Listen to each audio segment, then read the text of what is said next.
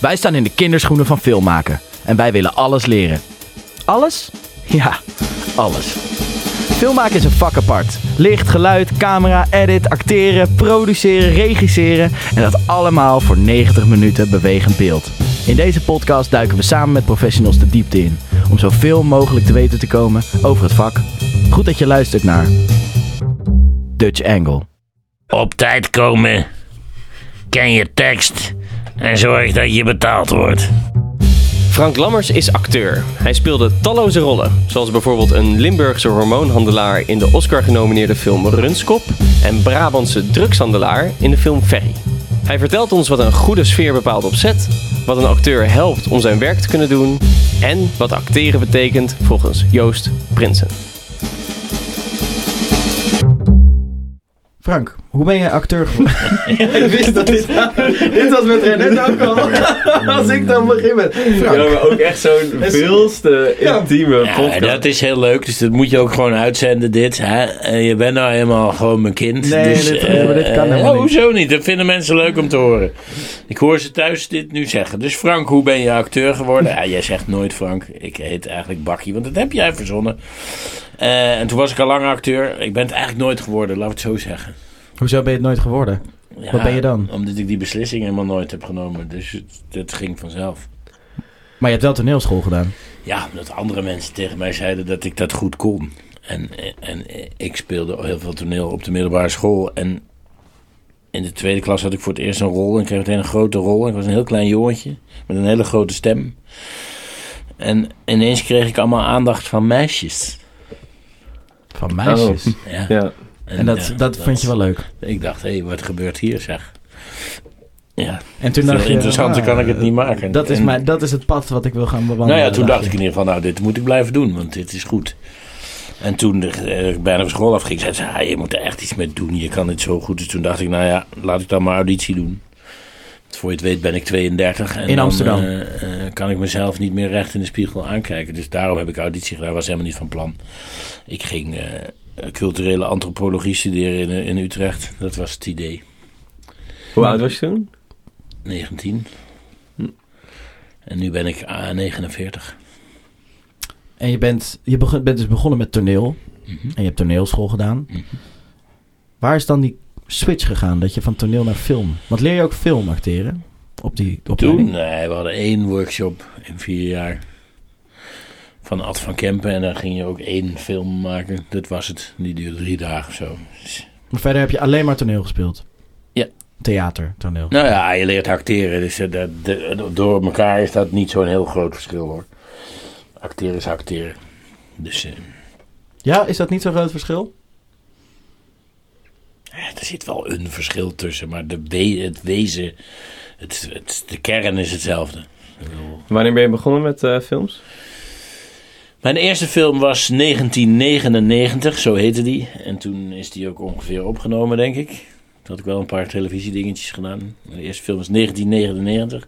Daar speelde ik dakloze krantverkoper. En stond ik net boven de hond in de aftiteling. Dus het was dakloze krantverkoper Frank Lammers, hond Wodan.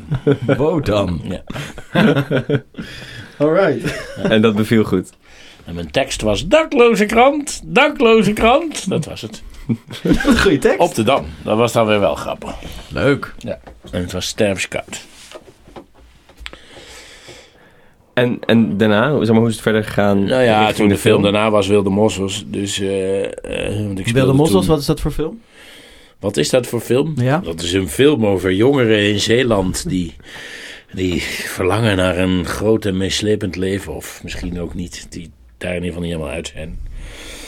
Een soort coming-of-age film, eh, gemaakt door mijn goede vriend Erik de Bruin. Wat ik nog steeds een van de meest getalenteerde regisseurs van Nederland vind. Hoewel die inmiddels al 81 is. Eh, en nou, dat was eigenlijk meteen daarna, denk ik. En Was dat meteen na de toneelschool? Nee, want ik heb eerst echt heel lang theater gespeeld. Ik heb bij gezelschappen gezeten, daar had ik helemaal geen tijd om te filmen. Ik, ik speelde drie voorstellingen per jaar en die speelden dan allemaal al, weet ik veel. 60 keer. Dus en tussendoor moest je repeteren. Dus dat was gewoon mijn werk. En eh, daar, kon, daar kon er helemaal niet bij. Nee. Maar toen kwam dat script van Wilde Mossels, dat had ik gelezen. Ik had natuurlijk wel audities gedaan voor dingen. En toen dacht ik, dit gaat zo over mij. Eh, over wie ik ben en waar ik vandaan kom uit zo'n dorp. En eh, het gevoel van daar weg moeten. En natuurlijk dacht ik dat ik dan Vetja was, zeg maar. Eh, en niet Daan. Want Vetja speelt in die film de hoofdrol eigenlijk. Ja, en dat is de jongen die weg wil. Ja. En ik speel in die film Daan, een mosselvisser die eigenlijk gewoon wil blijven. Die wil dat alles blijft zoals het is. Dus tegengesteld aan mezelf. Maar het is wel de enige keer dat ik in mijn leven, of nou niet de enige keer inmiddels, maar dat ik tegen de regisseur bij de auditie heb gezegd, en ik kende Erik niet, ik zeg, dit, dit, deze rol, die moet ik doen. Dit is voor mij. Zo voelde dat. Dat was heel brutaal, want en ik Erik, was de nog regisseur, helemaal een beetje over zichzelf geschreven, toch? Die komt ook uit Zeeland. Die komt uit Zeeland, ja. En jij herkende je dus heel erg in dat gevoel wat Ja. hij geschreven, opgeschreven Ja, had. totaal. Ja. Dus ik dacht ook, ja, maar dit begrijp ik. Dus dit, dit moet ik doen. Nou ja, dat eh, werd er wel een, een soort cult hit, classic ding. En ook mijn rol daarin eh, staat, het zijn niet mijn woorden, maar bestempeld als... eh, ja, hoe zeg je dat? Voor de geschiedenis. Oké. Maar je had dus vroeger, want je bent dus heel erg lang toneel gaan doen, of theater gaan doen. Had je vroeger, toen je zo'n klein jongetje was dat theater stond te spelen, had je toen ook geen ambitie om films te maken? Nee. Had je ook niet zoveel met film? Nee, maar ik, ik heb nooit ambitie gehad. Die heb ik eigenlijk nog steeds niet. nee, ja. Je gaat gewoon met de flow. Ja, ik ben een zondagskind. Dus altijd als ik, als, er, als ik iets wil, dan gaat de telefoon en dan gebeurt er wel iets in die richting of zo. Dat klinkt heel stom. eh, maar dat is, ja, nou goed, jij kent me. Dat is zo. Er gebeurt altijd wel iets waarvan je denkt: what the fuck, hoe krijgt hij dit nou weer voor elkaar? En dat, ja. Weet ik veel. Dat gebeurt. Daar kan ik ook niks aan doen. Eh, Nou, misschien, denk je dat je daar helemaal niks aan kan doen? Want het is toch niet altijd toeval? Gebeurt dat niet altijd per ongeluk? Nee, maar ik geef altijd 120% en ik ben Ja. altijd met iedereen. eh, Precies. hou ik in de gaten en ik ben aardig en ik werk hard. En eh, misschien, zal- misschien dat heb ik ook wel ook talent, dus het helpt allemaal. En, eh, maar dan nog moet je ook in deze business gewoon wel een beetje mazzel hebben. En nou, soms dan je nek uit durven steken. Soms moet je gewoon zeggen, ja, maar dit is blijkbaar, dit is voor mij. Dit is wat ik wil doen. Als ik, had ik dat niet gezegd op dat punt, dan, dan eh, was het nooit gebeurd. Nog een grappig verhaal over die auditie van Wilde Mossels. Ik werkte toen in Groningen bij het toneelgezelschap daar. En ehm, ik had een terugkomronde, dus nog een keer voor dezelfde rol. En dan zou je dus denken inderdaad dat je zo ambitieus bent dat je alles op alles zet en eh, eh, goed voorbereid. Maar ja, we hadden de avond ervoor een feestje in Groningen. En de feestjes in Groningen duren echt heel lang. Dus ik ben eigenlijk rechtstreeks uit het café in de trein gestapt Oeh. in de trein nog geprobeerd een beetje te slapen, twee uur. Ja. Toen kwam ik op die auditie ik was echt zo zat als een aap. En, Oh, en kende mijn tekst niet. En Vetje heeft me daar doorheen geholpen, want die kende ik al. Maar Vetja is, eh, speelt dus ook in. Is een vriend van jou van daarvoor al. Die speelde ook met mij in het gezelschap. In een andere gezelschap. In een daarvoor ander al. gezelschap. Die zat ook bij jou op de toneelschool, of niet? Nee, die zat in Maastricht. Ah, die zat in Maastricht. Daarom is Oké. het ook zo'n beroerde technische acteur, weet je wel. Wij zijn persoonlijkheden, wij komen uit Amsterdam. Ja. Ja, jij bent echt een ras Amsterdammer inderdaad. Nee, qua toneelschool dan. hè. Oh, ja, ja, ja. Maar dat was dus heel grappig, want ik bakte daar echt, het was ook buiten. Wat wel weer grappig was van Erik. Dat hij buiten die auditie deed. Dat heb ik daarna ook daarvoor en daarna nooit meer meegemaakt. Ergens aan de rand van het water. Maar ik hoefde echt net niet te kotsen. Maar veel beter was ik er niet aan toe. Maar ja, maar je bent toch aangenomen. Misschien Ja. wel juist daarom zou ik nog Ja, is- Dus ambitie helpt je niet altijd vooruit. acting misschien wel. Ja, maar onge- ongewild. Ja, per ongeluk gemethod act. Nee, maar dat is mij wel vaker, ook bij Nachtrit, dat is een andere film. Daar heb ik een gouden kalf voor gewonnen. Maar in eerste instantie was ik afgewezen voor die rol, terwijl dat script voor mij geschreven was. Waarom? Omdat ik blijkbaar op de eh, auditie niet een, de indruk maakte dat ik het heel graag wilde. Maar ja, ik kan dat. Ik kan, dat kan ik niet. Ik, hebt eh, niet die ambitie, die drive om te laten zien, dit moet ik doen. Nee, te- en anders zeg ik het wel.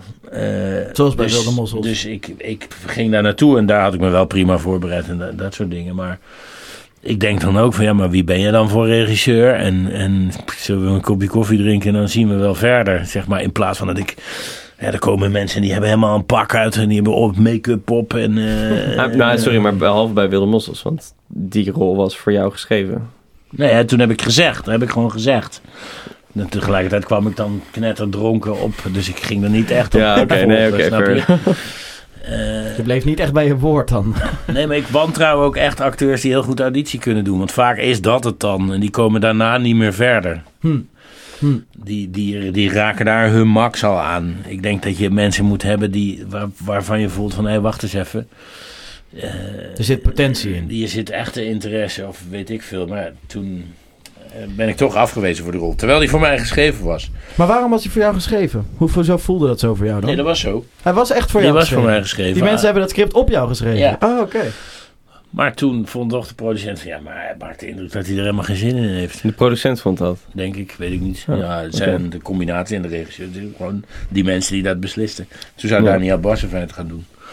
Maar die ging toen toch liever Herman Brood doen. Dus toen kwamen ze bij me terug. Ja. En eh, toen- bij het, op het terras van Café Frankendaal was dat. Hadden gebeld, we kunnen met je praten. Ik zei, ja, dat is goed. Dus ik ging daar zitten met mijn armen over elkaar. Zo van, ik denk, ik ga eens even laten zweten. Dat vind ik wel grappig. Dus gingen ze zo, ja, nou ja, we willen toch heel graag dat je het doet. En ik zei, ja, ja. Oké. Ehm, ja, dan moet ik toch... ehm, Nee, natuurlijk, joh. Ja, dat is gek. Dat is heel grappig. Dat is heel grappig. Mooi zeg. En bij Wilde Mossels had je dus al een aantal jaar in theater gestaan. Ja. En was het dan heel anders om film te doen? Eh, nou ja, het is een andere energie. Omdat in het theater speel je natuurlijk een verhaal gewoon van A eh, tot Z in één keer achter elkaar uit. En eh, dat is makkelijker, eigenlijk. Eh, omdat je die boog, die, die heb je geoefend. En die, die, die maak je dan. En de ene avond gaat dat beter dan de andere avond. Terwijl bij film, zeker als je een grote rol hebt, moet je heel erg in de gaten houden. eh, waar je bent in het verhaal. En eh, wat je ook weer gedaan hebt drie weken geleden in de scène die ervoor zat. Ja, want dan sta je dus de ene dag sta je scène uit van, van de, la- een laatste scène te draaien. Mhm.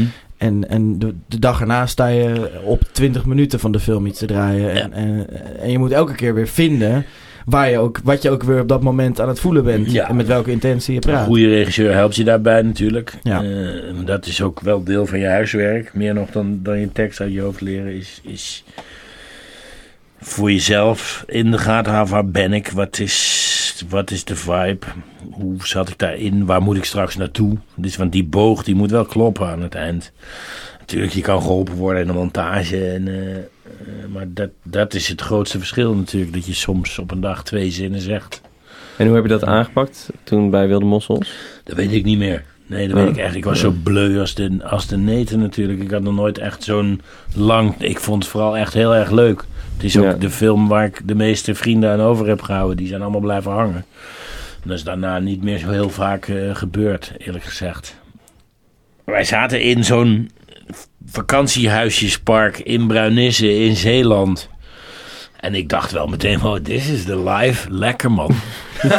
Zo'n huisje. Ik zat met Freek erin. En dan eh, deed je het met een productieassistente. En eh, ja, het was, allemaal, het was helemaal te gek. Dat klinkt als een hele Was- andere tijd dan, eh, dan nu. Ja, dat is een hele andere tijd, ja. En eh, het was, iedere avond was het feest, ja. Fijn. Ja, toch? Voor jou, ja, leuk Ja, man. Nee, oh, dat, mag je, dat mag ik niet zeggen van je moeder. Ik denk dat je dit van helemaal niemand mag zeggen. Ja, ja, natuurlijk wel. Oké. Nou, dan... eh, Nee, dat hoorde erbij. Ik was vrijgezel. Kom op, man. Ah, Dat, ja, dat, zeker. dat, dat is toch, dat was, eh, het gaat erom om aan te geven. Dat was rock'n'roll. Dus ja. eh, wij zaten in dat park. Er was een bowlingbaan. Daar hadden we de sleutel van. Eh, Ja hoor. ik speelde eh, s s'avonds nog in eh, een voorstelling. Dus ik draaide dan overdag. Dan werd ik van Zeeland achter in een auto slapend naar het theater gereden. Speelde ik die voorstelling. Werd ik teruggereden. Was het één uur s'nachts of zo. Dan zaten er altijd nog wel een paar mensen aan de bar. Dan keeperden we nog een fles drank eh, naar binnen. En dan sliep ik twee, drie uur. En dan gingen we weer draaien. Dat, dat was de vibe toen. Dus het was echt, echt, echt heel erg rock'n'roll. En dat... Ik ben zelfs nog een keer met het vliegtuig gevlogen toen. Omdat ik moest spelen in Groningen. Anders haalden we het niet. dus ben ik achter op de motor van Zeeland naar Rotterdam gereden. daar in een achtpersoons vliegtuigje gestapt. In Groningen eruit. En, eh, ja. Oh, geniaal. Dus, dus, Wat een tijden. Dus het gaat niet over dat ik hier stoer wil doen eh, over Nee, de productieassistent. Het gaat gewoon om het hele pakket. Wat Ja. een soort... Wow. de- de- hè, Maar dit was dus voor jou echt wel een soort van, eh, dit wil ik doen. Ja, want ik daarvoor was ik gewoon vijf jaar lang eh, naar Venlo gereden om voor 80 man toneel te spelen in de stoffige Schouwburg. Dus dit vond ik wel eh, eh, inderdaad gewoon leuker. En ik denk als je dingen wil doen, in je leven überhaupt, maar in de film zeker, je moet er wel van genieten. Het is, het is, het is hard werken, het is hectisch, het is... eh, maar als je daar tegen kan, dan is het ook wel echt spectaculair. En heeft het me gebracht op, op allerlei rare plekken en vreemde landen. En, en in rare situaties. En, nou ja, bij Willem Mossels, weet ik veel. Toen had ik, hadden we ook, moest ik boterrijbewijs halen, betaalden ze ook. Maar Ja. ik, had, ik was gezakt. Dus En toen? toen, toen eh, eh, was er op de set, de eerste twee weken voordat ik geslaagd was, was er altijd nog een rijinstructeur bij voor de verzekering. Die stond dan verderop.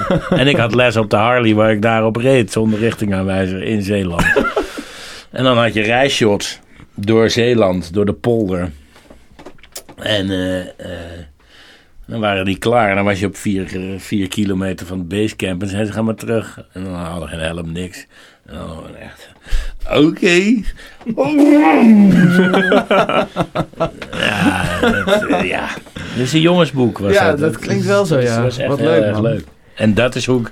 Dus veel meer dan dat ik... Misschien willen jullie andere dingen horen... van hoe dat technisch in elkaar zit te worden. Nee, maar helemaal niet. voor mij gaat het echt om dat plezier met die... Joh, ik, zie, ik voel Vetja nog naast me rijden met die motor. Dat, dat, dat- man, we hebben zoveel plezier gehad. Ja, dat is ook te zien. Dat is te zien. Ja, in die dat film. zie je echt in Wilde Mossels. Ja. Heb, maar heb jij daarna, dat is, was dus een beetje jouw kennismaking met filmacteren. Ik zal nog één ding zeggen daarover. ja, ik weet nog ja, dat met ja. de eerste draaidag... We hadden namelijk ook een trailer. Nou, dat was Een echte wel- heuse trailer? Nee, het was een kipcaravan. Oh, nee, nou. Zo'n kleintje. En daar zaten we dan met z'n drieën in. En we hadden allemaal postertjes opgehangen. Dat hadden ze voor ons gedaan met blote dames. Alleen die eerste dag draaiden we die, die, die, eh, die, die duikers die uit het water kwamen. Maar Ja. het ging echt enorm stormen en onweren die dag. Ja, Dus op een gegeven moment zaten wij van nou, we, we moeten even een uurtje pauzeren, want dit, met dit weer kunnen we niet draaien. Dus had ik met Vetja en Freek in die camper, in die kipcamper, ongeveer zoals wij hier nu zitten, op elkaar gepakt. Ja. Nog, nog krapper. En dan buiten. dat En door de wind ging dat hele ding heen en weer. En ik oh yeah, we're alive. dat was dag één. Dat was al geen... Let's go, gewoon. Vet man. Heel grappig. Maar dit was jouw eerste echte film waar je in ging acteren. Mhm. Eh, dus nou, ik snap wel, als je, zo- ik zie, zie hoe blij je ervan wordt. Dan, toen wilde je meer. Toen wilde je films gaan doen. Nou, van- toen heb ik- nee, zo heb ik nooit gedacht. Zo ben jij Dus echt niet, sorry, hè? zo ben ik niet. Nee. Nee, nee, ik, ik, ik doe gewoon wat op mijn pad komt. Waarvan Ja. ik op dat moment denk, hé, hey, dat is leuk. Dus daarna kwam er ongetwijfeld, niet meer, maar kwam er ongetwijfeld eh, een voorstelling weer. Of weet ik niet, een televisieprogramma. Ik heb ook televisieprogramma's gepresenteerd. Of, eh, kijk, alles wat je te lang doet, wordt op een gegeven moment vervelend. Als je alleen maar film doet, dan kan je geen, geen filmcatering meer zien op een gegeven moment. Ja, Dan denk je, pff, het is ook zwaar om eh, in de rij te staan en in een kwartiertje je, je, je spaghetti naar binnen te hakken en, en weer door te gaan. Eh, ja. ja, dat klinkt wel zwaar. ja. Altijd als ik een hele tijd gefilmd heb, dan behalve in België, dan komen we straks op, neem ik aan. eh, dan eet ik te snel. Krijg ik thuis altijd op mijn flikker. Maar dat komt gewoon. Dat Gewoon, dan kom je thuis. En En dan ben ik en- dus gewend En dan ben je om gewend om... Ja, ja, ja.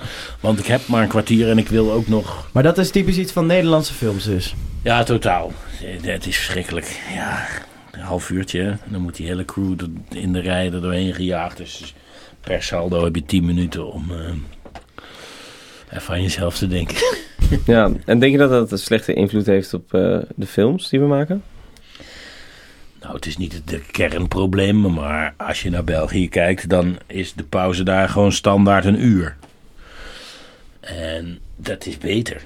Maar dat is zo'n duidelijk verschil tussen Nederland en België. Dat, Ja. Heeft dat echt direct invloed op de films, denk je? Op het acteren, op de Ja, regisseur? het is een heel groot plaatje. Hè. In België is er gewoon meer tijd, liefde en aandacht.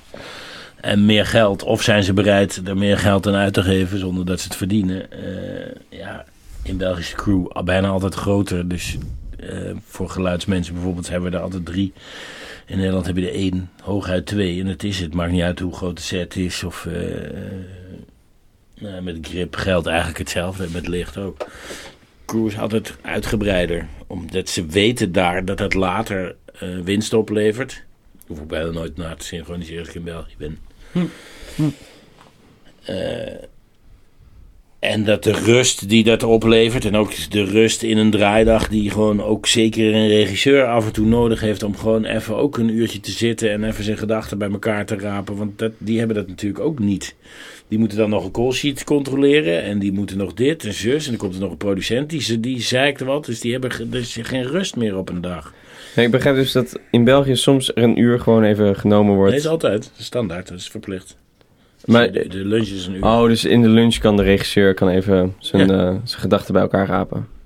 Nou ja, dat Ja, weet ik niet of ze dat doen, maar Ja. Eh, als je Het zou een kunnen uur hebt, eh, hoef je niet. eh, en, en, en meestal is het ook nog zo dat je gewoon gaat zitten en dat het eten uitgeserveerd wordt. Ja. Ja, dat is een heel groot verschil. Want hoe gaat het er En in dat Nederland toe? klinkt als een luxe poesgedrag, maar dat is het natuurlijk niet. Nee, in Nederland moet je gewoon in de rij staan. Ja. eh, en eh, gaan mensen vaak rennen omdat ze anders te lang in de rij staan. En dan ben je halve pauze alweer kwijt. Als je achteraan staat, dan heb je je bordje uiteindelijk neergezet. Je pak je mes en vork en dan roept er iemand aan de lunch. Zo, Ja, dat is... eh, En dan, word je, dan heb je ook, eh, lijkt me ook niet dat je er heel enthousiast van wordt om nog even door te gaan werken. Toen ik mijn film ging regisseren, toen heb ik Amaro gevraagd. De, je kent hem. De cateraar, de de, cateraar. en genie. die, ja. en ik, ik heb dat hier wel zo ook gedaan. En ik had bij het ontbijt had ik muziek.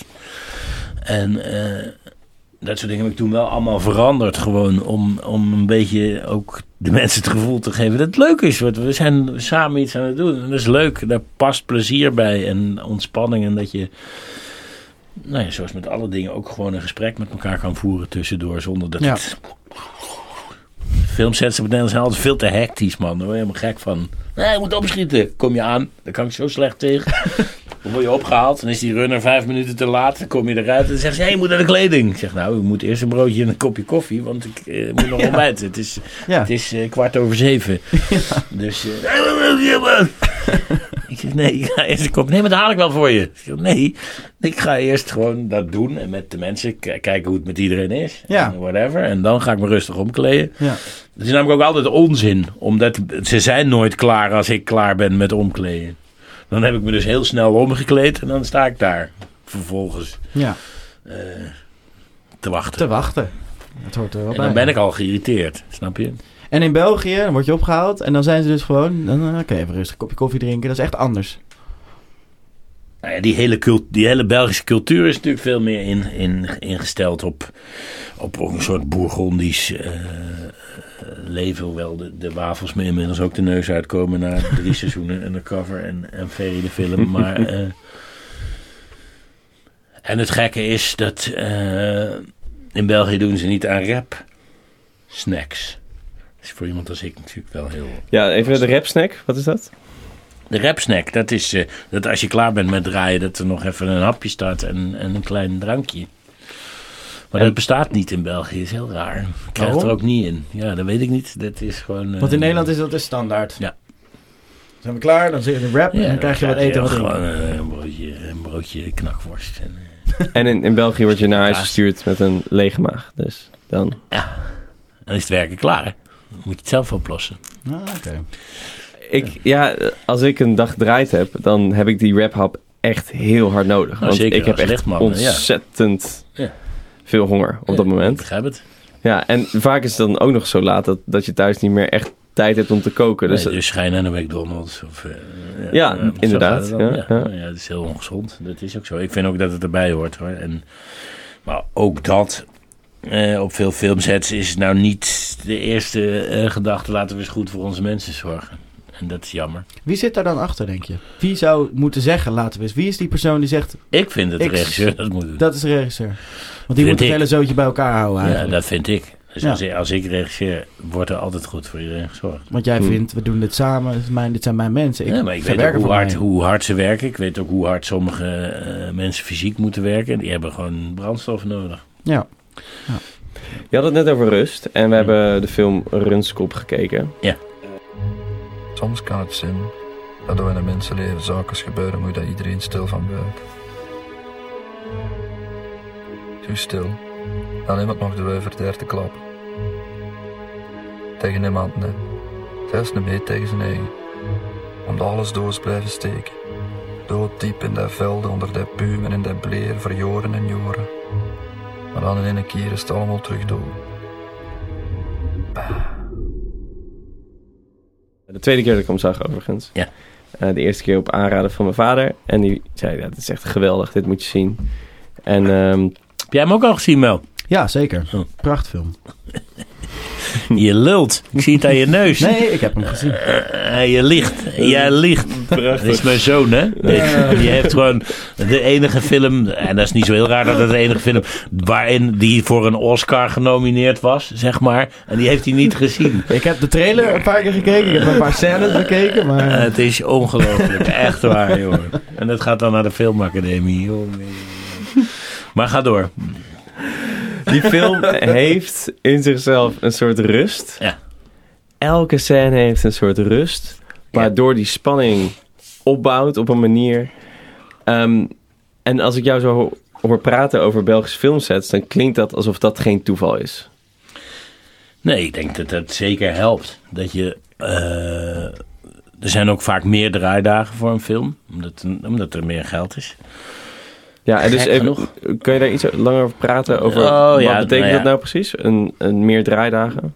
Nou, in Nederland moet je vaak 10, tegenwoordig 10, 11 bladzijden per dag verfilmen. Eh, nou, dat is echt. eh, dat was vroeger niet zo. Dat is alleen maar erger geworden. Omdat die producenten zeggen: nee, zie je, het kan, het kan. Dus er wordt steeds verder die grens opgerekt. En, en zeker met Runskop deden we drie, vier per dag. Waardoor je minder hoeft te draaien op een dag. En daar dus meer aandacht eh, voor hebt. En we hadden natuurlijk te maken met Michael Roskam, die, die wat echt wel een, een groot, groot talent is, die, die er heel goed en heel lang over had nagedacht wat hij wilde. En eh, nou, wat misschien grappig is om daarover te vertellen, is dat, dat bijvoorbeeld mijn rol in Runskop was eigenlijk groter.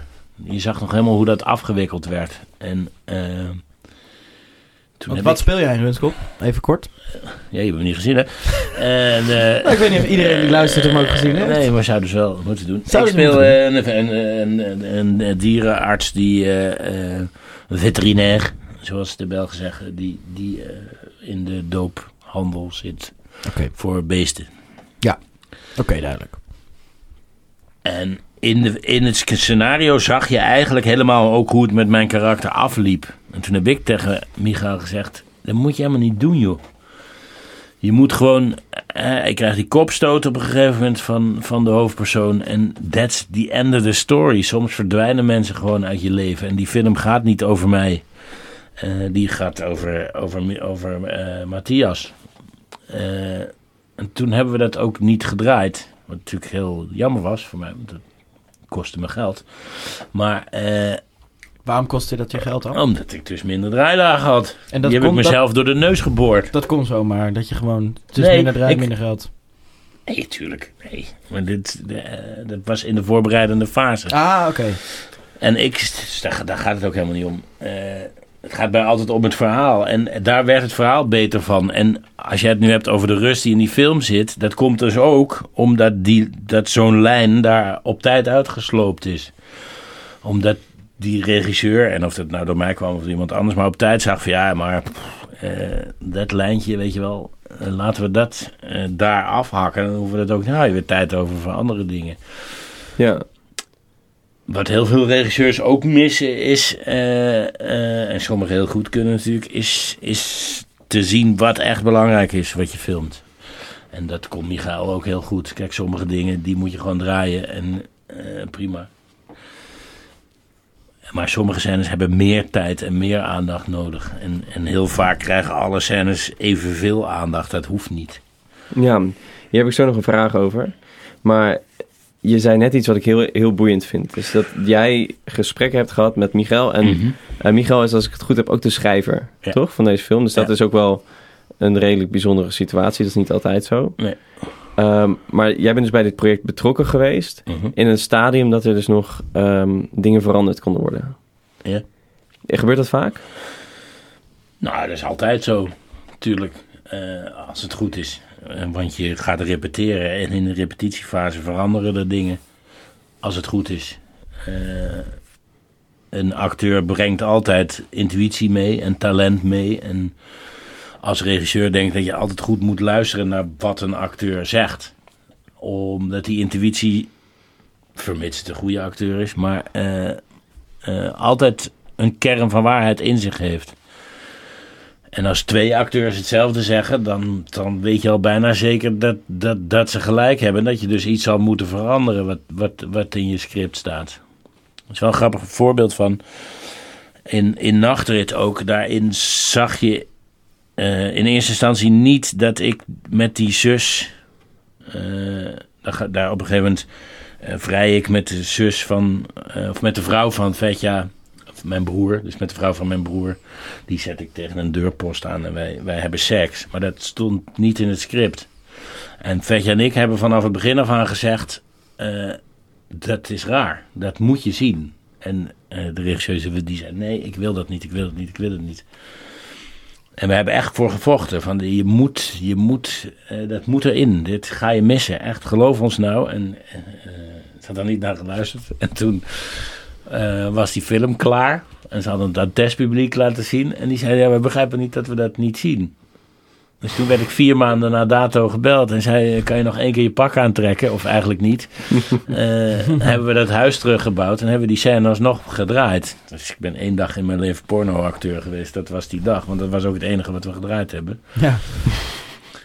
Eh, dus dat. Hadden ze maar naar je geluisterd. Nee, maar daar gaat het niet om. Het gaat erom, het gaat hier om een groter principe. Dus Ja. dat je eh, als regisseur, maar ook als acteur bereid bent om eh, gebruik te maken van het talent van de mensen met wie je werkt. Ik werk bijvoorbeeld heel vaak met, met dezelfde geluidsman als ik regisseur, regisseer. Omdat die, die heeft altijd goede ideeën. En die zegt altijd op het juiste moment het goede. En ik heb geleerd daarop te vertrouwen. Dus als hij iets zegt, dan zal ik altijd denken... Hmm, in plaats van, nee, ik heb nu geen tijd voor. Of whatever.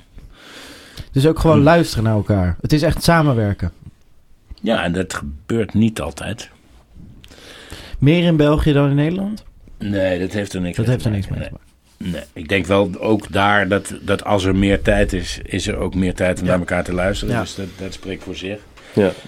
Maar dat is niet een typisch Belgisch of Nederlandse. Nee, dat heeft gewoon met talent van een regisseur te maken.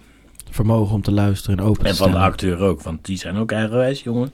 Oh, Acteurs, ja? mm. Jij ook? Ik? Nee, joh, kom je daar nou bij? Nooit. Nee. Heb je leuke voorbeelden van jezelf? Over hoe eigenwijs ik ben? Nou? Ja, heb ik zeker. Eh, ik heb bijvoorbeeld in de dominee.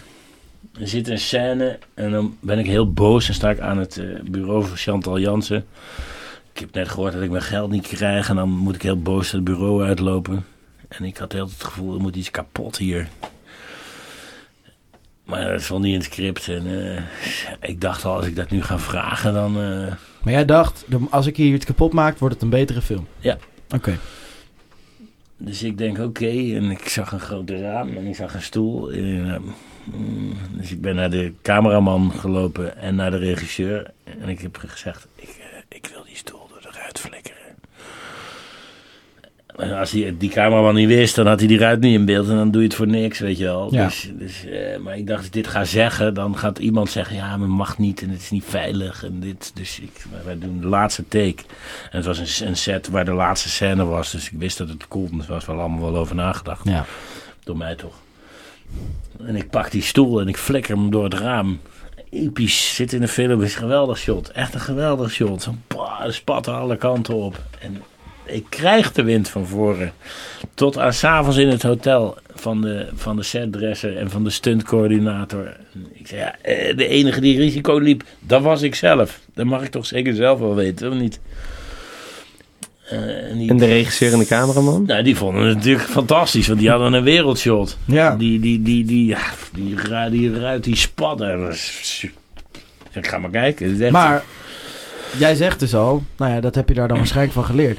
Jij zegt tegen die stuntcoördinator, ja, ik was toch de enige die het risico liep. Maar dat is natuurlijk uiteindelijk niet zo. Want stel er gebeurt iets met jou. Dan loopt dus eigenlijk iedereen het risico. Ja, Mel, maar ja, soms... eh, soms sometimes you gotta take a chance, you know. Zou je het nog een keer doen? Ja hoor. Waar je nu bent? Zeker, ja. Nee, Ja, maar het is een van de beste shots in die film. Dat zei ik die avond zelf meteen ook. Ik zeg, let er maar op. En het is, dat is ook eh, echt zo. Niet om er gelijk te halen. Maar, Nee, ik maar geloof je. soms moet je gewoon ook vechten voor... Als het zo voelt, dan voelt dat zo. En soms moet je dan ook dus gewoon de grens oprekken. En, en, en van tevoren maar denken, ja, dat gaan ze niet goed vinden. Dus dat gaan we stiekem doen. Oké. En als je in Nederland een film wil maken, dan is dat al helemaal. Nou, nu iets minder met, met eh, Netflix en die, die, zijn wat, eh, die zijn handiger. Daar kun je gewoon een idee pitchen en dan zeggen ze ja of nee. Maar zeker bij de fondsen vroeger, ja, dan moest je honderd keer een versie inleveren. En dan totdat zij het goed vonden. Ja, prima. Dan lever je uiteindelijk een versie in die zij goed vinden. En vervolgens draai je je eigen versie. Ja. Ja. En als je dus nu een film pitcht bij Netflix...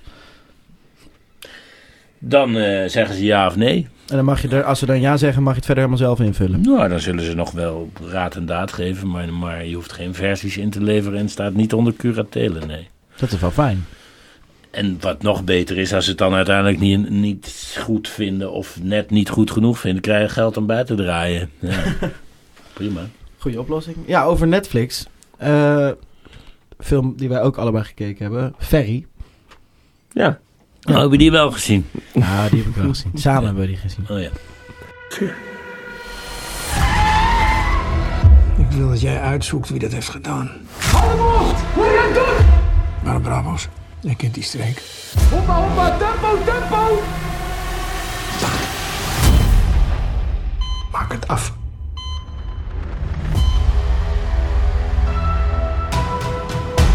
Zus, Wat de fuck doe jij hier? ik eh, was in de buurt. Jij komt niet zomaar langs.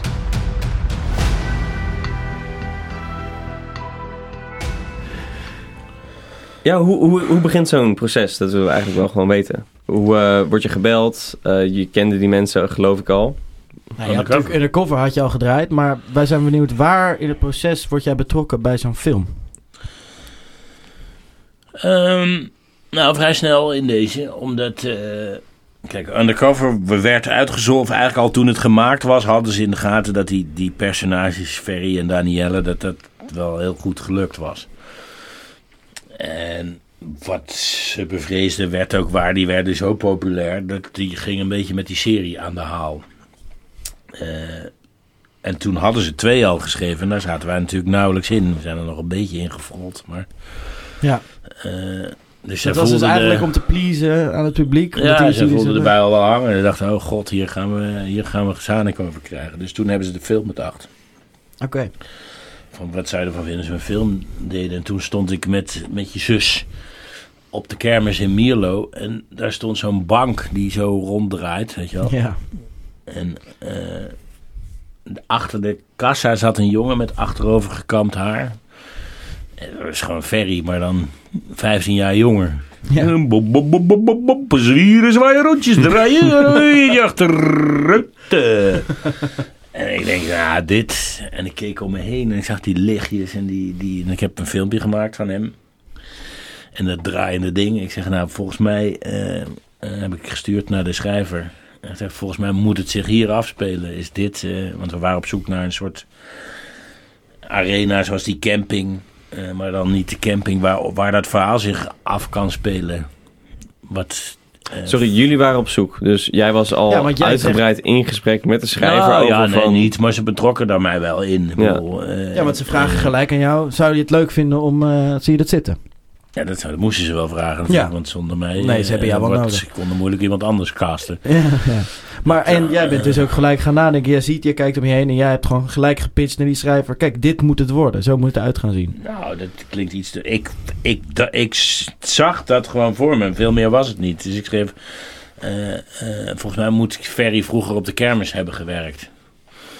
Nou, dat is niet gelukt. Want Nee. Danielle werkt op de kermis. Dat is een beetje jammer. Want eigenlijk was mijn enige doel om achter die kassa te zitten... en dat te roepen wat ik net riep. Namelijk... Bop, bop, bop, bop, bop, bop, bop, nou, dat was mijn jongensdroom natuurlijk vroeger. Dat snap ik. Dat is een mooie droom. En toen hebben we uiteindelijk wel die kermis gedraaid in Ferry. Wat, eh, waar ik heel trots op ben op die scène sowieso. Maar dat was, dat was natuurlijk coronatijd. Dat was heel zielig. Hadden ze helemaal speciaal voor onze kermis gebouwd midden in Oorschot. En er stonden allemaal jongetjes achter het hek zo. Mogen we ook naar binnen? Zei, nee. Die mochten niet. Nee, nee, nee. Het was echt een, een filmkermis. Oh, wat sneu. Hoe ziet verder de voorbereiding eruit voor zo'n rol? Voor Ferry. Ja, dus eigenlijk al het begin van, eh, van Undercover. Ehm, nou, kijk, het, eh, daarom is het ook niet zo heel raar dat ik daarvoor gecast ben. Dat hele Brabantse en de Brabantse taal en de Brabantse ziel. En zelfs het kamp ken ik eh, van vroeger. De, de- we hadden zo'n kamp in het dorp. Dus, dus ik, ik hoefde me daar niet eh, per se nog enorm op voor te bereiden. Ik eh, hang mijn rollen meestal op aan één dingetje. Eh, en dan weet ik nooit van tevoren wat dat is. Dat komt op een gegeven moment vanzelf. En in het geval van Ferry was het een gesprek wat ik voerde voor de dominee in de gevangenis in Heer Hugo Waard, geloof ik, met een pillendealer.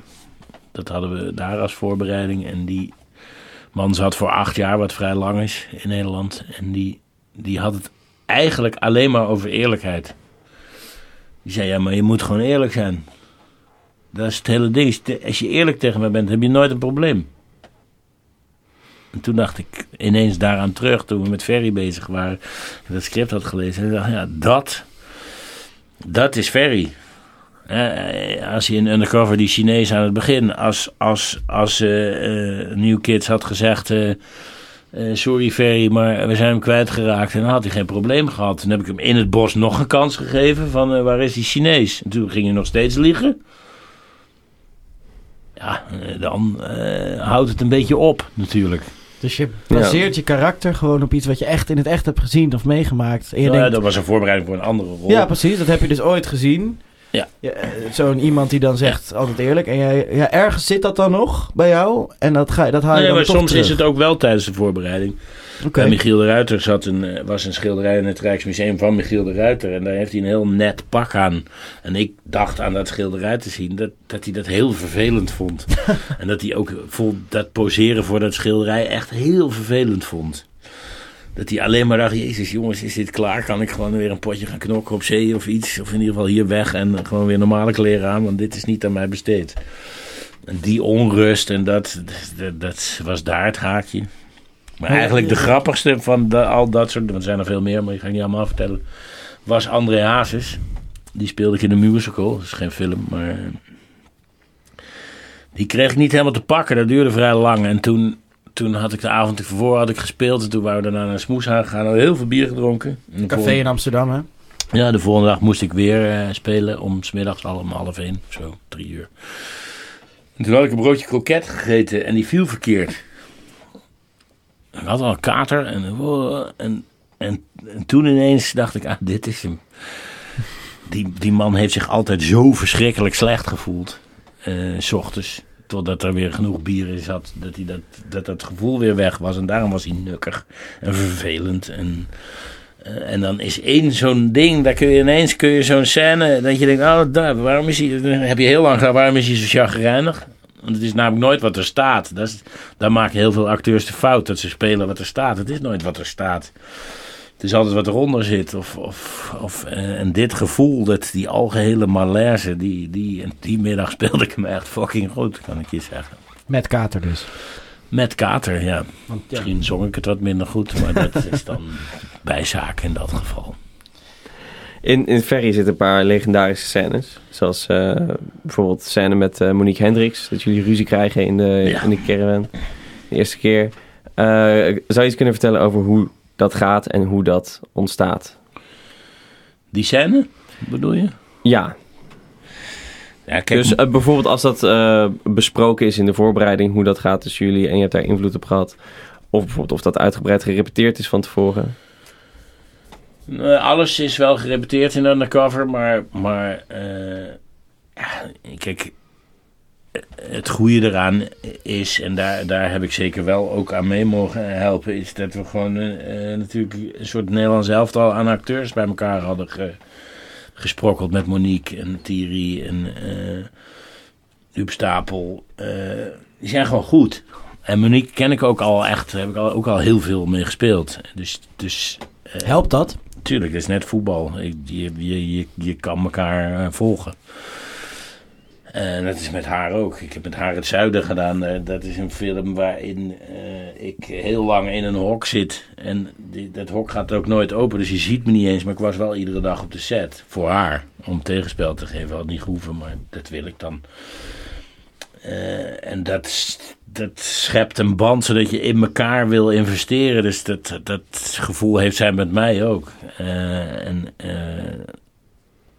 dus geef ons een, een tekst op papier. En in dit geval eh, is dat die, die, die, die, die scheldpartij natuurlijk. En dan geef ons een half uur en dan zijn we er wel uit. Ja, daar zit, dat, dat, dat zit veel meer op, eh, op samen zijn en samen voor elkaar vertrouwen en, en, en de ander een afslag durven laten nemen en dat je die afslag meevolgt of juist niet.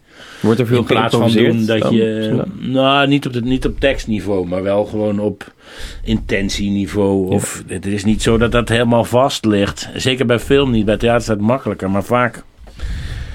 Eh, is repeteren voor film in een studio, dan kan je het helemaal kapot repeteren. En dan, dat, doen ook, dat doen ze wel eens. En dan, dan, dan trekken ze lijnen op de grond. En dan zetten ze tafeltjes neer die dan een andere tafel moeten voorstellen. En whatever. En dan kom je op de set. En feitelijk kan je weer opnieuw beginnen. Want die voelt anders, geeft een andere vibe. Eh, er staat toch iets in de weg. Of eh, het is toch iets smaller dan we gedacht hadden. En dan moet je altijd even zo als een soort kat moet je je draai vinden. Met z'n tweeën. Ja, hoe ging dat die dag? Dat is in zo'n blauwe caravan. Eh, best wel kleine ruimte. Hoe ging dat? Fucking heet was het. Het was echt 40 graden denk ik. En dan in die caravan. Dus dat was altijd wel 50 graden geweest, hè, weet ik veel. Mhm. Overdrijven is altijd lekker, maar... eh, ja, dan heb je Thierry erbij, wat ook echt Raymond Thierry... Thierry, wie is dat? Ja, Raymond Thierry, Ja. eh, John. Die speelt John, ja. Ja, nou, wat ook echt een fascinerende figuur is. Die altijd over zichzelf zegt, zeg maar, waar we moeten gaan staan, dan, eh, dan kijk ik wel een beetje knap. en dat, ja... Maar als je weet dat je met Raymond Thierry en met Monique Hendricks in een scène mag spelen, weet je van tevoren dat het goed komt, hoef je je niet zo druk te maken. Ga je met heel veel plezier eh, naar die dag toe en dan, en dan zie je wel wat er gebeurt. Je zorgt dat je je tekst kent. En alles wat je er verder aan voorbereidt is, in ieder geval in mijn geval, eh, te veel eigenlijk. Want dan zet je jezelf op slot. Dus je moet, je moet het voorbereiden, je moet weten wat je komt vertellen, wat je komt halen. eh, eh, wat de porté van de scène is, dus waar je, waar je weer mee uit moet. En dan moet je dat allemaal vergeten. En, en gewoon denken, oké, wie ben jij en hoe gaan we dit uitvliegen? En die, die dat semi-improviseren eigenlijk. Dus je, je zorgt dat je een aantal wapens hebt. Ik moet ineens aan Joost Prinsen denken. Acteren. Op tijd komen. Ken je tekst. En zorg dat je betaald wordt. Ja, je moet een paar wapens hebben, geloof ik. Ja, ken je tekst. Ah, dat zijn ze. En op tijd komen. Ja, dat helpt ook. Ja, nee, ja. Sorry, veel epischer is dat. In Nee, ieder geval dat- in mijn geval niet. Maar dat zit er wel in. Dat je het dan van tevoren zo ver hebt doorgesproken in ieder geval. Je hoeft het niet allemaal vast te leggen. Dat je weet eh, eh, waar het over gaat. En waarom een persoon op dat moment handelt zoals die handelt. Dat geldt niet alleen voor je eigen karakter. Dat geldt ook voor die andere karakters. Dat je begrijpt ongeveer wat daar zit. En dan mag je wel je geheimen hebben. Hè, wat de acteurs altijd een beetje hebben. Die verzinnen zelf iets en dat hoeft niemand te weten wat, wat dat dan is. En waar- waarom je... Hè, weet ik veel. Als hij vroeger zich weer kut gedragen had, heb ik dat heus wel eens gebruikt. In een scène, als ik iets chagrijnigs moest spelen. En Ja. andersom, als ik... eh, eh, iets liefdevols wil spelen, kan ik ook aan mijn kinderen denken. Ja, dat kan, dat kun je allemaal gebruiken, maar dat hoeft niemand te weten. Ja. En nu hadden we het dus over een situatie waarin eh, je hele goede tegenacteurs hebt. Ehm, nou, stel dat is niet zo. Wat zijn dan andere dingen die je helpen om de sterren van de hemel te spelen? Als je tegenacteur slecht is, bedoel je? Eh, ja, of in ieder geval niet zo goed als eh, Monique en Thierry. Dat is een lastige situatie. Ik heb ooit een toneelstuk gedaan en ik kwam mijn toneel af en ik dacht, nou, dat ging vrij aardig. En toen kwam Pierre Bokma naar me toe. En die zei, als ik jou nog één keer je zie erger aan je tegenspeler, dan sla ik je godverdomme hier in het café door. En daar had hij gelijk in. Toen dacht ik, oh god, dat is... En dat ziet niemand, maar hij ziet dat wel. Eh, daar heb je niks aan. En dan moet je ook leren dat je eh, die irritatie daarover, dan moet je toch maar gaan investeren in zo iemand. En kijken of je hem verder kan krijgen op zo'n moment. En, en eh, nou ja, dat doe je eerst eh, via de regisseur, maar ook los met hem, eh, met medeweten van, want anders wordt het vervelend. Ja, daar moet je de energie in stoppen. Tot het wel goed is. En dat. de- ook dat. Ik denk dat, dat als je aan mij vraagt. Het, is, het gaat over mij. Ik heb hier niet voor gekozen om over mezelf te praten. Ik ga er eigenlijk helemaal niet van. Maar waarom ik goed ben, is omdat ik altijd doorknok totdat ik in ieder geval het gevoel heb dat het goed is. En, en soms levert dat ook impopulaire eh, eh, situaties op. Dus je denkt, jezus, die lammers, wat een lul zeg. Ja, dat, is net- ook weer net als met voetbal. Soms moet je een trap uitdelen. Ja. Om de Ja. boel op te schudden. Is dat dan ook iets wat, wat bijvoorbeeld waarbij meer tijd eh, helpt? Omdat je meer Ja, tijd hebt om... Altijd, ja. Ik bedoel, ja, eh, iedereen kan leren acteren, maar sommigen hebben er eh, 40 jaar voor nodig en anderen die kunnen het al als ze geboren zijn, ja. eh, Maar eh, je kan heus wel een scène eruit trekken als je, als je maar genoeg tijd hebt. Maar als je niet zoveel talent hebt en er is geen tijd, dan wordt het een vrij dodelijke aangelegenheid natuurlijk. Ja. Ja, En we, verder, we wat zijn- moeten door. Dat vind ik ook echt het, het meest verschrikkelijke wat er gezegd kan worden op een set. Zoiets. Wat, wat zijn goede randvoorwaarden op een set? Hoe, hoe ziet een set eruit waarin jij lekker kan acteren? Ehm nou ja, wat gewoon heel, heel raar is in, eigenlijk, is eh, dat dat niet is bij ons. Eh, In Nederland. nee, je bent hier toch altijd een soort hond die, die, die, die moet wachten tot hij aan de beurt is en dan maar moet, zien waar hij zich moet laten als acteur. Als je even niet in een scène zit of zo, dan kun je ergens een stoel gaan zoeken. ja. Het belang van trailers. En eh, godzijdank werken wij niet zoals in Amerika. Waar er soms maar drie, drie shots op een dag worden gedaan. En dan moet je wel een trailer, want anders word je helemaal gek. Dat, dat snap ik ook wel. Eh, maar hier is het een beetje tegenovergestelde. Het is vaak koud. Eh, daar, daar, is, daar hebben we helemaal geen tijd voor, man. Geld voor ideale set. Nee. Ik heb hem nog niet. eh, Nou ja, je hebt zelf sets gemaakt, want je bent ook regisseur geweest. Was dat dan niet de ideale set? Ik zorg er dan wel altijd voor dat er een plek is voor mensen om zichzelf te laten. Dat klopt. Dus daar ben je wel mee bezig. Ja, het was ook makkelijker omdat heel veel van die, van, van die films speelden zich af op één plek. Dus dan kun je het ook makkelijker inrichten. Ja. Eh, Maar dus een plek voor jezelf hebben, dat is al een, een hele grote... oh, daar kan ik echt wel om huilen soms. Dat, Mag eh, hoor. Je mag even huilen als je... Nee, nee, nu niet. Nee. nee, maar ik zat laatst in een, in een serie ergens, ik ga niet zeggen welke, maar eh daar, daar was dan één trailer. Met twee bedjes erin. Het waren twee kamertjes, maar die waren voor de hoofdrolspelers. Dan snap ik ook wel dat die, maar ja, Mensen zullen dit natuurlijk snel opvatten als een ja, diva-gedrag. En, eh, maar dit is helemaal geen diva-gedrag. nee, want je moet je energie, je moet je energie eh, verdelen. Ja, En je loopt leeg op een gegeven moment. En dat, dat is kut. Dus ja, je moet het ook kanaliseren lijkt me. Je moet op, op, op een bepaald moment moet je kunnen aangaan. En je moet die energie wel ergens kunnen... ja uit snoepjes. Nou ja, daarom is er altijd belangrijk wel van snoep de set. snoep van de catering. Nee, dat weet ik niet. De ideale set, sorry, daar kan ik je niet aan helpen. Dat weet ik niet. Dan gaan we rustig doorzoeken, denk ik. Was, was bij Runskop eh er sets waarvan je dacht, nou, dit, dit komt dichter in de buurt? Nee, ik begrijp ook de vraag net niet helemaal, geloof ik. Nou, welke omstandigheden zijn voor jou als je acteert het allerfijnst? Wat, maakt er, wat zorgt er nou voor dat jij op je allerbest kan zijn?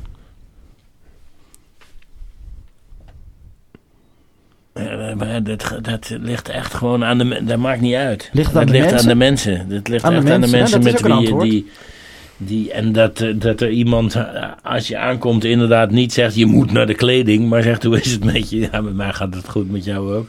Wat fijn. Zullen we even een kopje koffie doen? Ja. Het is eigenlijk gewoon, een Gewoon- beetje persoonlijkheid. Ja, een beetje tuurlijk. rust. In plaats van...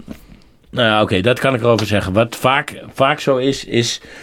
Het is gelukkig minder dan vroeger, maar filmsets vinden zichzelf heel belangrijk. En hoe jonger de crew, en hoe jonger de regisseur, en hoe, hoe belangrijker het is. En dat is eigenlijk heel vervelend. Eh, tuurlijk eh, is belangrijk, is belangrijkste film die er ooit gemaakt wordt. Maar dat de hele tijd maar ventileren, dat levert niet zoveel op. Dat levert eigenlijk alleen maar stress op. Want dan, dan, dan gaat het mis. Je moet een sfeer van eh, ontspannen spanning creëren. Eigenlijk waarin iedereen weet wat hij doet. Meevoelt met wat er op dat moment gebeurt. En die sfeer hoeft ook niet altijd hetzelfde te zijn. Nou, zo kom ik toch bij een antwoord. Eh, Vroeger had je een regisseur in Nederland, heette Willem van Zander Bakhuizen. En die, die was daar heel goed in. Die wist altijd precies de juiste emotionele stemming op een set te creëren die gepast was bij de scène. Dus als het een hele emotionele scène was, dan zorgde hij ongezien, ik weet niet hoe hij dat deed, nou, beter een beetje nu, maar eh, dat de hele crew dat in de gaten had. En dat er dus even niet geginnegapt werd, even geen eh, flauwe grappen en scheten van belichters en whatever. Dan was even gewoon full focus van, nou dit is moeilijk voor die acteur. Dus laten we hem even die volle concentratie geven. En als er weet ik veel, je van A naar B moet lopen met een camera op een crane erboven, dit en dat, dan hoefde dat niet. En, en dat, dit, zo gaat zo'n hele crew meevoelen als een één organisme eigenlijk met, eh, met, met de scène. En met wat je op, dat moment aan het doen bent. Dat is ideaal. En die rol is echt voor de regisseur. En de opnameleider, ja, die moet dat ook snappen. Ja. Dat team eigenlijk. Ja. En ik vind ook dat als hoofdrolspeler dat je daar ook eh, een deel aan hebt. Ik zal ook altijd zorgen dat, dat, dat ik weet hoe het met, eh, met, de- met de man boven in het bakje is. Die bij, de, bij het licht in de hoogwerker zit. En als hij naar beneden komt even vragen: Goh, heb je het koud gehad? Dit en dat, wil je wat drinken? Eh, eh, zoiets. Ja. Of de volgende dag een flauwe grap maken dat hij weer het bakje in moet. Maar in ieder geval die jongen ook het gevoel heeft. Gewoon normaal Dat hij menselijk erbij- gedrag eigenlijk.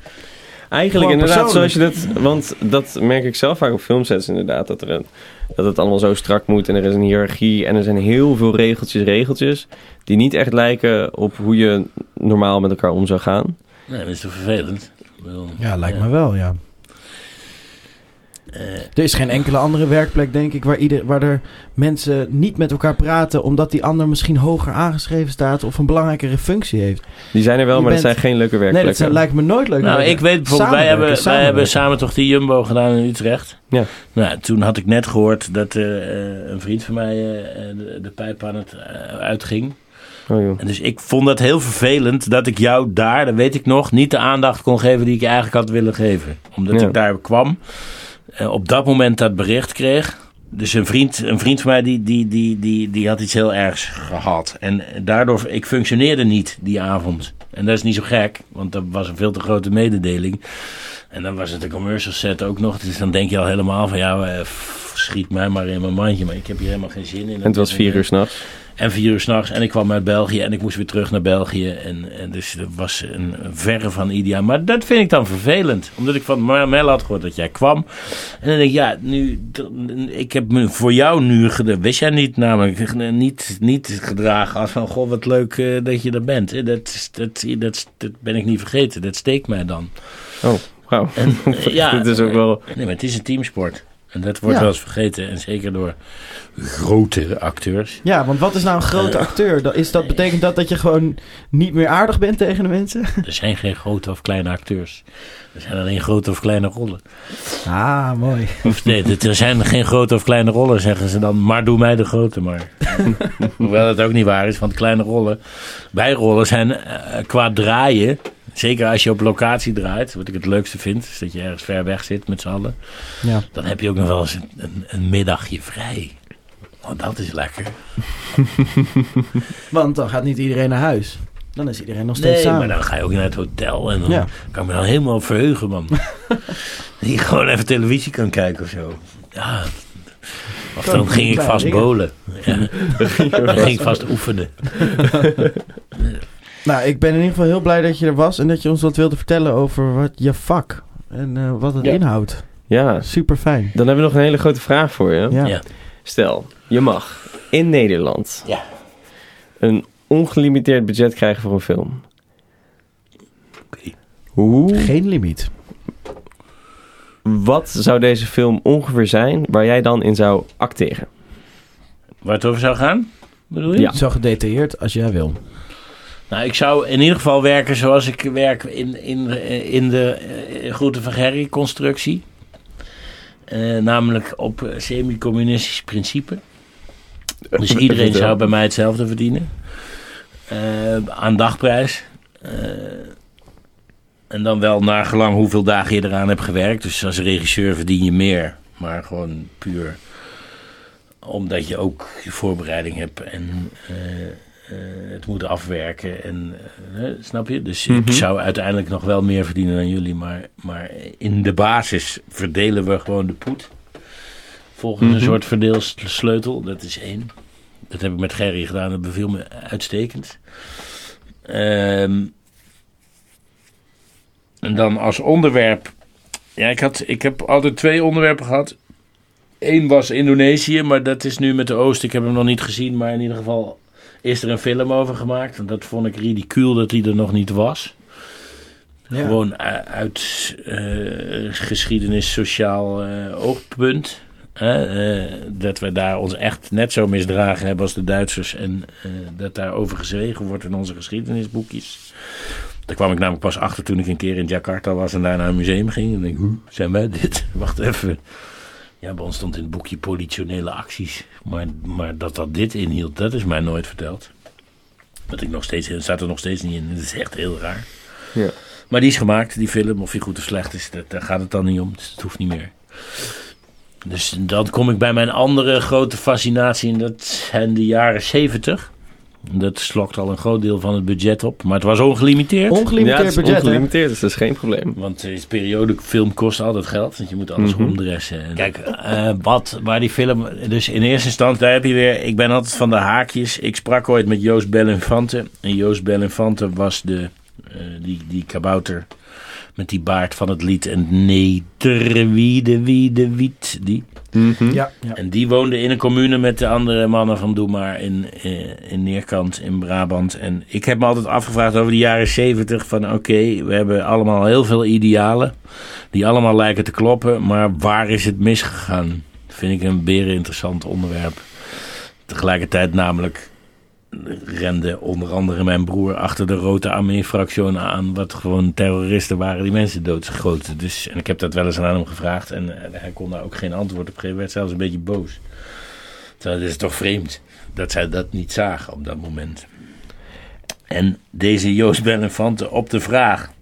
Ik vroeg dus aan hem, hoe is die commune dan gestopt? Want het was toch... eh, dat was mooi, jullie waren met z'n allen en samen en daar ging het over. Nou, precies eigenlijk wat ik zou willen bij film. En wat film meestentijds is. Als je ergens samen zit, dan ben je ook een soort commune of bubbel of hoe dat tegenwoordig ook heet. En toen sprak hij de legendarische woorden. Ja, nou ja, eh, op een gegeven moment stond ik af te wassen. En de rest lag mijn vrouw te neuken. En toen vond ik het wel welletjes. En hier Dat- gaat de film. Nou ja, dat beeld, dat is natuurlijk zo'n goede scène. Je filmt gewoon een man met een baard die staat af te wassen. En op de achtergrond hoef je niet eens te zien. Dan hoor je gewoon... Oh, ah, oh. Ja, ja. hm, ah. Ja, dat is, en dat hij dan woedend die, die, die, die, dat, die, die, die borstel wegflikkert. En iedereen dat huis uit miert. En zo, zo heb ik nog veel meer verhalen verzameld uit die tijd. Eh, waar ik heel graag een keer een verhaal over zou willen schrijven. Thomas Winterberg heeft natuurlijk een soort van, met dat Tiel samen, zo'n soort film gemaakt.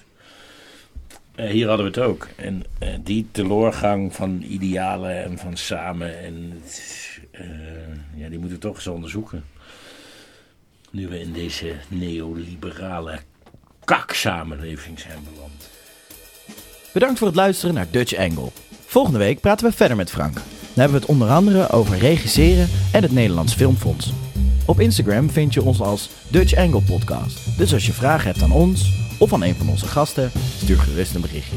Tot volgende week.